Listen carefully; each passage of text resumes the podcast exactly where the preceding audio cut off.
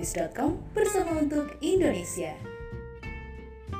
Halo Sobat Holopis, apa kabar? Seperti biasa, di sini saya akan membacakan rangkuman berita untuk Sobat Holopis. Sebelum saya membacakan beritanya, Sobat Holopis juga bisa loh baca berita selengkapnya di holopis.com. Berita pertama datang dari berita hiburan nasional. Aktris Aurel Hermansyah dikabarkan akan melahirkan pada tanggal 22 Februari 2022. Terlihat Atta dan juga Aurel Hermansyah sudah mempersiapkan segala keperluan untuk menyambut buah hatinya. Aurel mengungkapkan persiapannya semua berjalan dengan baik. Dirinya juga meminta doa agar semuanya berjalan dengan lancar. Mendengar isu yang beredar di media sosial bahwa kelahiran anak pertamanya akan berlangsung pada tanggal 22 Februari 2022, tepat hari ini, Atta Halilintar pun menegaskan dirinya tidak ingin mendahului kehendak Tuhan.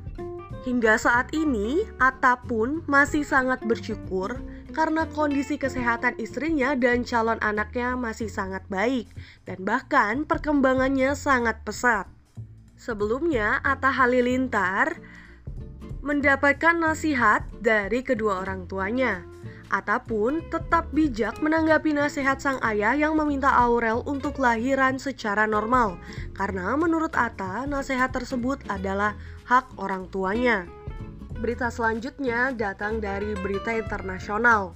Para ilmuwan menduga virus corona yang mirip dengan SARS-CoV-2 jadi penyebab flu Rusia yang terjadi pada tahun 1889 flu Rusia juga menyebar ke seluruh dunia yang memicu terjadinya tiga gelombang infeksi selama beberapa tahun. Menurut para ilmuwan, ada persamaan yang ditemukan pada flu Rusia dengan pandemi yang terjadi saat ini, yakni gejala hilangnya indera perasa dan penciuman, serta gejala berkepanjangan selama berbulan-bulan. Flu Rusia sendiri banyak menyerang lansia dibandingkan dengan anak-anak. Namun, beberapa ahli lainnya masih meragukan kebenarannya karena belum ada bukti kuat yang mendukung gagasan tersebut. Bahkan, pencarian bukti tersebut dilakukan langsung oleh kepala bagian patogenesis dan evolusi virus di Institut Nasional Alergi dan Penyakit Menular, yakni Jeffrey Taubenberger dan Profesor Emeritus Virologi di Queen Mary University of London, Jones, Oxford. Mereka mencari sisa-sisa virus influenza dan virus corona dari sampel jaringan paru-paru yang diawetkan sebelum pandemi flu 1918. Harapannya, mereka bisa menemukan virus flu Rusia yang sulit dipahami di jaringan tersebut – jika materi genetik dari virus flu Rusia ditemukan di paru-paru ini, kemungkinan hasilnya akan memberikan petunjuk tentang bagaimana pandemi bisa berakhir. Sebab liputan berita pada saat itu hanya memberikan sedikit pengetahuan. Berita selanjutnya datang dari hiburan nasional. Aktris cantik Nikita Willy dikabarkan telah memiliki rencana untuk menetap di Amerika Serikat bersama dengan sang suami Indra Priawan. Video yang diunggah di dalam kanal YouTube-nya, pasangan ini akan menetap di Los Angeles, Amerika Serikat sampai Nikita Willy melahirkan buah hatinya. Nikita Willy pun sebenarnya belum bisa memastikan sampai kapan dirinya dan suaminya akan tinggal di Los Angeles, tapi Nikita ingin buah hatinya lahir di sana. Diketahui Nikita Willy sedang mengandung anak pertamanya berjenis kelamin laki-laki dan dia diperkirakan akan melahirkan pada Mei 2022 mendatang. Sebelumnya, Nikita Willy dan Indra Priawan resmi menikah pada 16 Oktober 2020. Kedua mempelai menggunakan adat Minangkabau saat akad nikah dan pernikahan mereka dilaksanakan di kediaman Nikita Willy di kawasan Jakarta Timur. Berita selanjutnya masih datang dari hiburan nasional. Presenter Tukul Arwana sudah berkali-kali dikabarkan meninggal dunia. Kabar hoaks tersebut membuat sahabatnya, Vega Darwanti, merasa sangat khawatir. Presenter cantik itu sangat khawatir terkait dengan berita hoaks tersebut. Ia juga khawatir berita semacam itu akan berpengaruh terhadap kesehatan Tukul Arwana dan juga keluarganya. Karena saat ini presenter kondang tersebut tengah berjuang melawan penyakitnya yang bersarang dalam tubuhnya. Vega Darwanti juga sangat khawatir kepada anak-anak Tukul Arwana yang masih sangat kecil, mengingat ibunda dari anak-anak Tukul Arwana juga telah meninggal dunia. Pelawak Vega Darwanti pun meminta untuk semua pihak selalu support Tukul Arwana, Tukul Arwana dan jangan membuat berita-berita yang tidak benar. Menurut Vega Darwanti, saat ini kondisi kesehatan Tukul Arwana sudah semakin membaik hanya saja tidak bisa sembarangan dijenguk dan apalagi kondisi pandemi saat ini. Diketahui Tukul Arwana mengalami pendarahan pada bagian otak. Dari situlah berita hoaks tentang meninggalnya presenter kondang tersebut mulai bermunculan. Oke Sobat Holopis, itu dulu berita yang bisa saya rangkum. Untuk Sobat Holopis, Jangan lupa untuk selalu baca berita selengkapnya di holopis.com. Dan jangan lupa untuk selalu jaga kesehatan Sobat Holopis.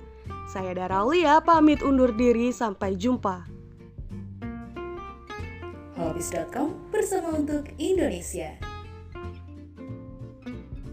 Halo Sobat Holopis, kembali lagi di program kesayangan kita, Cabi Baca Berita.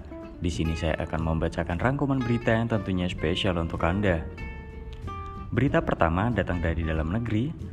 Pemerintah kembali menaikkan status pemberlakuan pembatasan kegiatan masyarakat atau PPKM naik ke level 4 di beberapa daerah dengan alasan tingkat perawatan yang mengalami peningkatan.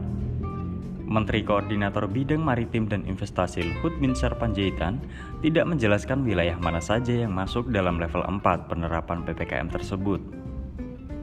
Selain naik ke level 4, Luhut juga mengatakan ada beberapa wilayah di Jawa Bali yang turut naik level dan kali ini berada di PPKM level 3. Sementara itu, Luhut menjelaskan untuk wilayah yang sebelumnya sudah masuk ke level 3 PPKM, sampai dengan hari ini masih tetap bertahan dan tidak mengalami penurunan atau penaikan level. Koordinator PPKM Jawa Bali ini mengatakan, Selama seminggu terakhir, tren penyebaran kasus harian di Jabodetabek sudah mulai mengalami penurunan, termasuk tingkat perawatan di rumah sakit. Namun, kenaikan saat ini justru mulai dialami oleh para tenaga kesehatan yang kembali banyak terpapar COVID-19 varian Omikron. Berita selanjutnya masih dari dalam negeri. Menteri Agama Yakut Holil Koumas menerbitkan surat edaran nomor 5 tahun 2022 yang mengatur penggunaan pengeras suara di masjid dan musola. Salah satu poin dalam edaran itu yakni mengatur volume pengeras suara masjid paling besar 100 desibel dengan suara tidak sumbang. Yakut menyebut penggunaan pengeras suara di masjid dan musola merupakan kebutuhan bagi umat Islam sebagai salah satu media syiar Islam di tengah masyarakat. Pada saat bersamaan, Masyarakat Indonesia juga beragam secara agama, keyakinan, latar belakang, sehingga perlu upaya merawat persaudaraan dan harmoni sosial. Yakut mengatakan, edaran ini turut ditujukan kepada Ketua Majelis Ulama Indonesia atau MUI, Ketua Dewan Masjid Indonesia, pimpinan organisasi kemasyarakatan Islam, dan takmir atau pengurus masjid dan musola di seluruh Indonesia. Sebagai tembusan, Edaran ini juga ditujukan kepada seluruh gubernur, bupati, atau wali kota di seluruh Indonesia. Salah satu poin edaran itu mengatur sebelum azan subuh, pembacaan Al-Quran atau sholawat atau tarhim dapat menggunakan pengeras suara luar dalam jangka waktu paling lama 10 menit. Lalu pelaksanaan sholat subuh, zikir, doa, dan kuliah subuh menggunakan pengeras suara dalam. Sementara sebelum azan sholat zuhur, asar, maghrib, isya, dan sholat Jumat, pembacaan Al-Quran atau sholawat atau tarhim dapat menggunakan pengeras suara luar dalam jangka waktu paling lama 5 menit. Sesudah azan dikumandangkan, yang digunakan pengeras suara dalam. Khusus untuk sholat Jumat, penyampaian pengumuman mengenai petugas Jumat hasil infak sedekah, pelaksanaan khutbah sholat Jumat, zikir, dan doa menggunakan pengeras suara dalam. Berita selanjutnya masih dari dalam negeri. Menteri Koordinator Bidang Perekonomian atau Ekon, Erlangga Hartanto mengatakan bahwa puncak kasus COVID-19 varian Omikron akan terjadi pada 2-3 minggu ke depan. Ketua Umum Partai Golkar tersebut menyampaikan bahwa dalam beberapa pekan terakhir, kasus Omikron mengalami peningkatan yang cukup signifikan. Bahkan, kata dia, kasus di luar Jawa Bali tercatat melonjak sebesar 23% dari kasus aktif nasional atau sekitar 124.714 dari 536.358 kasus. Kendati demikian, mantan Menteri Perindustrian tersebut mengatakan bahwa tingkat keterisian tempat tidur atau bor rumah sakit tak melonjak seperti saat varian Delta lalu. Hal ini lantaran tingkat keparahan gejala Omikron lebih ringan dibanding varian Delta. Tercatat, tingkat bor di Sumatera Utara mencapai 31% dengan konversi 19%. Sulawesi Selatan sebesar 30% dengan konversi 16% dan Kalimantan Timur sebesar 29% dengan konversi 23%. Dari data tersebut, dapat dilihat bahwa tingkat bor di tiga wilayah dengan peningkatan kasus Omikron terbanyak masih di bawah 50%. Adapun bor di tempat isolasi terpusat hanya 5,89% dari 29.723 tempat tidur.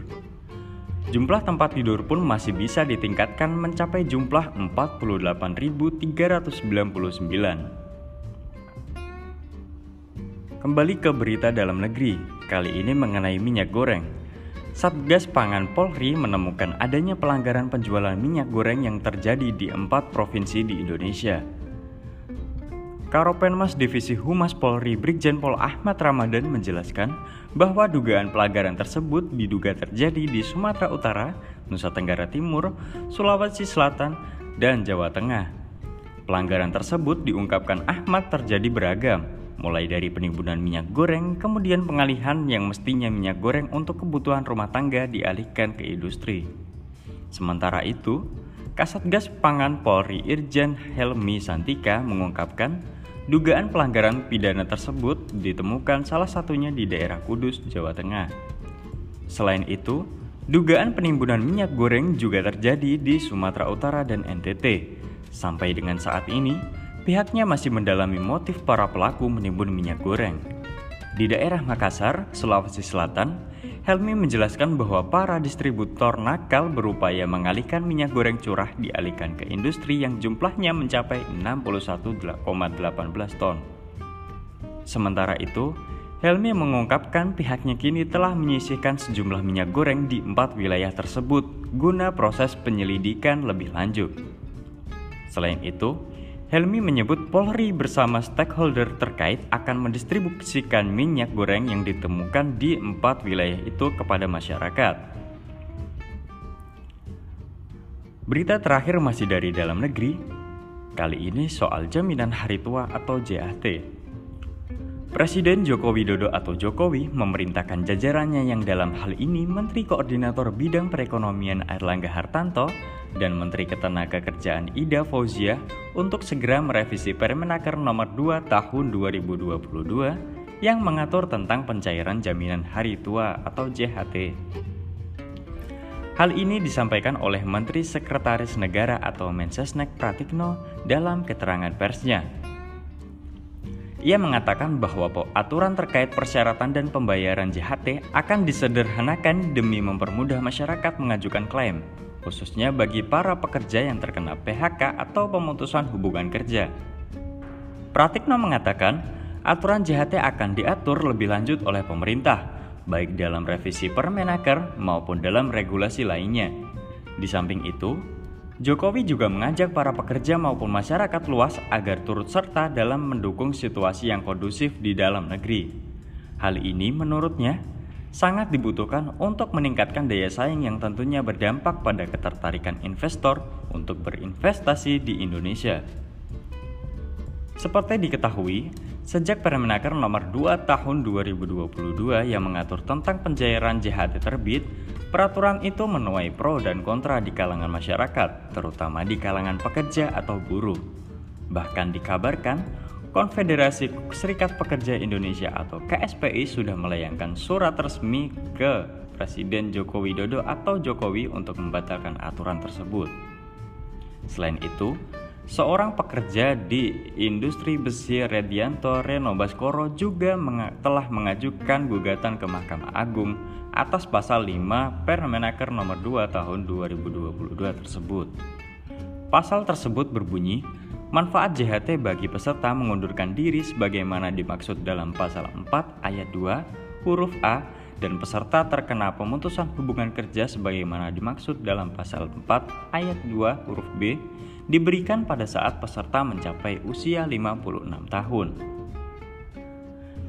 Demikian berita yang dapat saya sampaikan.